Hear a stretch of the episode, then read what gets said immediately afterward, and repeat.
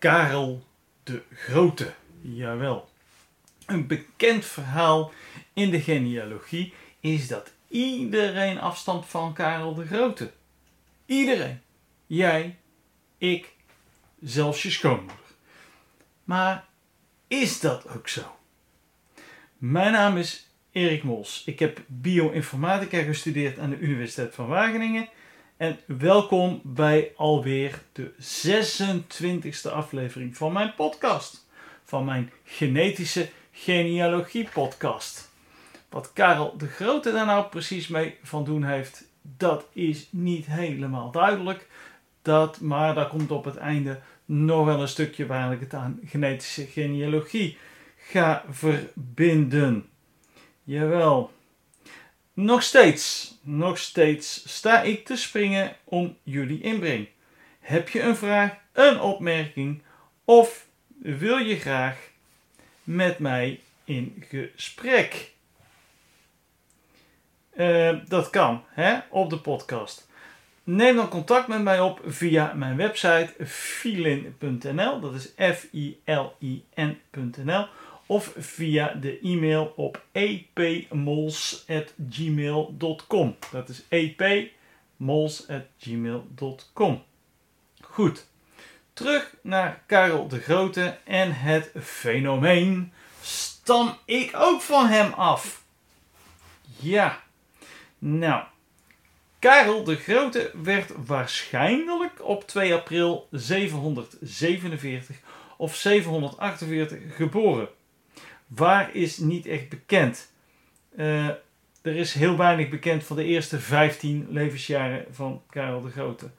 En zijn biograaf die gaf ook aan, de biograaf heeft Karel zelf meegemaakt, maar dat uh, op het moment dat hij die biografie het schrijven was na Karel's dood, er gewoon niemand meer in leven was om over die eerste 15 jaar te praten. Goed. Uh, Geboren waar is niet bekend. Wel waar hij overleden is. En dat is in Aken in ieder geval. Hij was vanaf 9 oktober 768 koning der Franken. En uh, ja, vanaf 25 december 800 keizer van het Heilige Roomse Rijk. Uiteindelijk overleed Karel dus in Aken op 28 januari 814 en hij werd daar bijgezet in de uh, kerk. En goed, en die kerk die is niet blijven staan, er een andere kerk overheen gebouwd, enzovoort, enzovoort, enzovoort. Dat draagt bij aan het uh, vervolgprobleem. Uh, hij ligt er echt, hij ligt er, dat weten we. Graf is verschillende keren opengemaakt. Alleen, men weet nu niet meer waar het graf is. Maar goed, dat tezijde. Het betreft hier natuurlijk geen podcast over Karel zijn geschiedenis. En dus moet ik maar met afdwalen en teruggaan naar de relevante informatie. Hmm, oké, maar was dat relevant? Ja, nou, nou goed. Karel is vier keer getrouwd geweest en had even zoveel bijvrouwen. Van al deze vrouwen zijn zo'n 27 kinderen bekend. Pardon, wat zegt u? 27 kinderen bekend. Een aardig aantal, als ik zo vrij mag zijn. Maar wat is de betekenis hier nu van? Hè? Laten we eens eventjes gaan redeneren vanaf het jaar 800 tot 2000. Daar zit 1200 jaar tussen. En wanneer we uitgaan van een gemiddelde generatie van 25 jaar, dan uh, zijn dat dus 48 generaties. Dus dan is Karel de Grote 48 generaties geleden. Het lijkt eigenlijk wel mee te vallen, hè? 48 generaties. Ze bijna denken dat je dan, dan persoonlijk zou moeten kennen. Wat is hier nou relevant aan? Hoeveel voorouders had ik eigenlijk 48 generaties geleden? Wacht even. Uh, twee ouders, 4 grootouders, 8 overgrootouders, 16 pet-overgrootouders, 32 oudouders, etc. In 48 generaties kom ik dan tot 2,81 met 14 nullen. En volgens mij is dat triljard. Eh, voorouders. Ja, in het jaar 800. En ja, wat, wat, dat is wel heel veel, of niet? Ja, zeker. Dat zijn meer mensen dan het totaal wat ooit op de aarde geleefd heeft. Hoe kan dit dan kloppen? Wat ik vergeten ben in deze argumentatie is de pedigree collapse. Met andere woorden, het samenvloeien van stamlijnen. Wat dus meer regel is dan uitzondering. Dat moet wel, anders kun je niet op deze aantallen komen. Hè? Het is dan dus ook erg waarschijnlijk dat ook jij Karel de Grote als voorouder hebt. En misschien zelfs wel meer dan één keer. We noemen Karel dan ook niet voor niets de vader van Europa. Maar hoe bewijzen we dit? Traditioneel genealogisch wordt er gebruik gemaakt van de zogenaamde gateway ancestors. Adellijke lieden waarvoor men bewezen vindt dat deze afstammen van Karel. Tenminste, als we de middeleeuwse genealogie geloven. En ja, dat is dan wel een lastige, want hoe, hoe werkte dat dan? Nou, vanaf 1200 zie je zo ongeveer dat de familiewapens in uh, zwang komen. En dan kun je via familiewapens en uh, hoe die dan samenvloeien. Hè? Want als, als, als twee adellijke lieden met elkaar trouwden, dan kregen de kinderen vaak een samengesteld familiewapen waarin de familiewapens van de beide ouders terugkwamen. En via die familiewapens kun je dan natuurlijk uh, uh, terug tot, tot plus minus 1200. Maar daar hebben we nog steeds een gat van 800 jaar. Dus dan moeten we toch hebben van documentatie. En natuurlijk, van die adellijke lieden is allemaal voldoende gedocumenteerd. Dat is allemaal niet het probleem. Het probleem is dat uh, ook in die tijd er mensen waren die zich graag beter voordeden dan ze waren. Met andere woorden, die het leuk vonden hun genealogie een beetje op te leuken. Nou, en daar kunnen we dus niet doorheen prikken. Dus, maar goed.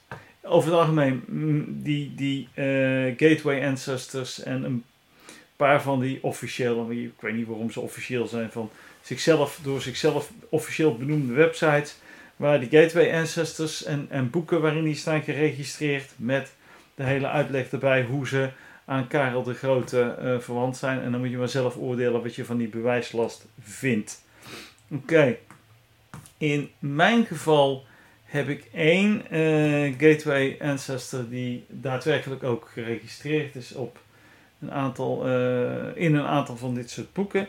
En dat is Catharina von Bentheim. Jawel. En die heeft gewoond in het kasteel van Heeswijk-Dinter. En ik ben aan Catharina verwant via mijn overgrootmoeder Maria van Dinter. Ja. Um, maar het is een genetische genealogie podcast, toch? Hoe zit het nu met DNA? Kunnen we daar niks mee?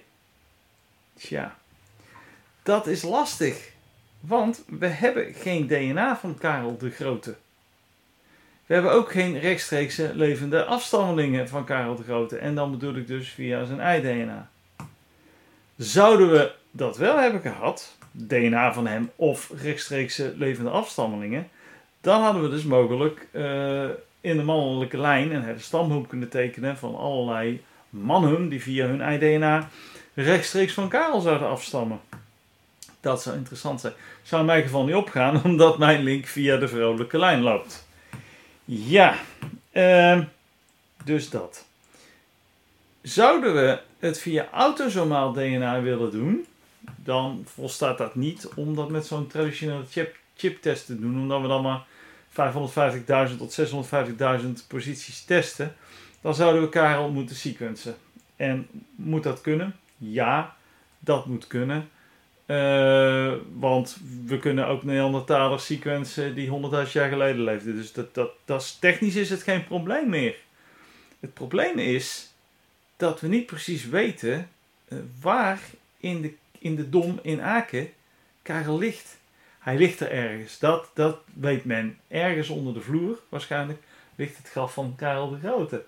Er staat wel een schrijn hè, eh, waar hij herdacht op, maar daar ligt hij dus niet in. Hij ligt ergens onder die vloer, dat weten we. Het graf is ook meerdere malen open geweest. En eh, ja, maar men heeft gewoon dat niet, niet bijgehouden waar het ligt. Dus we weten nu niet waar het ligt. Dus we kunnen ook zijn DNA niet, niet bemonsteren. En dan moet je je natuurlijk ook nog uh, af gaan vragen hoe dat, dat zit met ethisch. Hè? Kun je dat maken? Kun je hem maken om zomaar iemand zijn grafrust te storen? Er zijn religies waar men daar zo hun gedachten over heeft. Ja, wat mij betreft, uh, ik sta er heel simpel in. Ja, ze mogen mij later ook samplen. Ik zou het beren interessant vinden wanneer van al dat soort edelijke, uh, adellijke lieden, in al dat soort graven, in al dat soort kerken, gewoon DNA-samples genomen zouden worden tijdens bijvoorbeeld restauratiewerkzaamheden, als, de, als, als het ja, er toch gewerkt wordt. Lijkt me ongelooflijk interessant om die mensen dan terug te zien komen in met name ei-DNA en mitochondriaal DNA-stambomen. Maar goed, het is niet zo. We kunnen dus niet met DNA bewijzen dat we afstammen van Karel de Grote. Dat is jammer. Goed. Ik hoop dat je dit een leuke aflevering vond van mijn podcast. Ik hoop je de volgende keer ook weer aan te treffen. En uh, denk nog eens na over mijn voorstel in het begin. Wil jij graag met mij in gesprek over jouw genetische genealogie? Wil je dat ik meekijk? Neem dan even contact met mij op. epmols.gmail.com Voor nu, uh, maak er een leuke dag van en tot de volgende keer. De muziek is gemaakt door Airtone en is vrijgegeven via een Creative Commons licentie.